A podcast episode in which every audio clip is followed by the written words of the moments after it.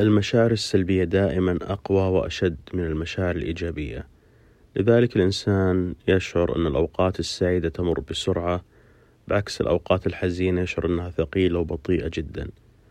وأكيد لاحظتوا أن نادرا أو ربما مستحيل أن المشاعر الإيجابية تهجم فجأة إذا الإنسان تذكر مواقف سابقة آه، أو تهجم فجأة حتى من دون أي سبب. لكن عادي جدا أن المشاعر السلبية تهجم في أي وقت حتى في حالات اللي يفترض أن الإنسان يكون سعيد فيها.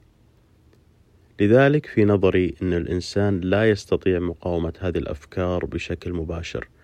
فهي أقوى منه لكن يقدر يتجاوزها بطرق غير مباشرة. أفضل طريقة طبعا وهي الطريقة المثالية هي زيادة كمية المشاعر الإيجابية ومحاولة المحافظة على استدامتها حتى تتغلب في النهاية على المشاعر السلبية أو على الأقل تقلل من تأثيرها. لكن للأسف هذه الطريقة غير واقعية وغير عملية. لكن إذا كنت تقدر تزيد من كمية المشاعر الإيجابية ولو قليلا فلا تقصر. وطبعا المشاعر الإيجابية تنتج من أي شيء ولو كان مجرد عمل مفضل تتابعه.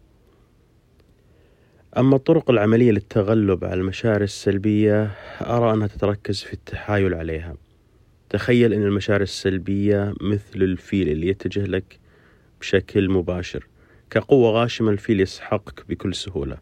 لكن بالحيلة ممكن أنك تتفاداه لذلك أرى أن أحد الحيل للتغلب على المشاعر السلبية هي محاولة تأجيلها. كيف بالضبط يؤجلها الإنسان؟ بأنه يحاول يبرمج عقله على عدة أمور وليس طبعا يؤجلها بضغطة زر.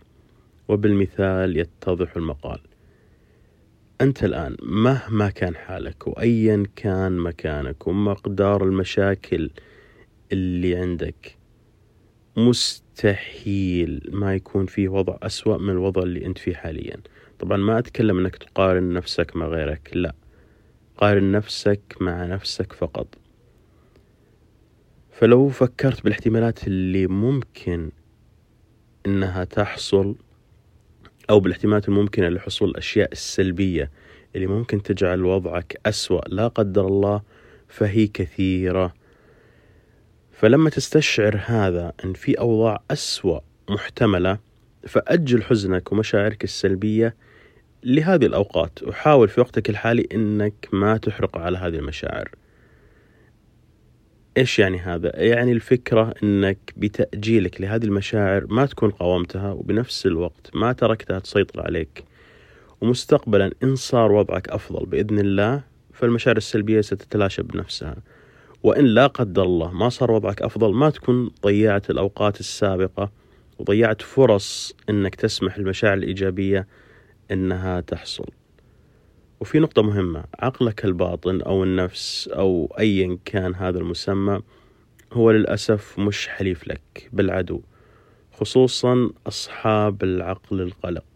فأحيانا ممكن يقوم بخطوة استباقية وهي يعني يقول لك أوكي صح المفروض أنك ما تحرق وقتك على المشاعر السلبية وتحاول تجد حلها ومن هذا الكلام لكن أنت ضيعت أوقات سابقة ليش ما سويت هالشي من زمان؟ ليش توك تتذكر أو توك تنتبه؟ فاحذر من هذا الفخ لأني برجعك للمربع الأول والأسوأ أنك دائرة مفرغة فكل ما ضاع وقت بتندم عليه وبسبب الندم تضيع الوقت الحالي وهكذا.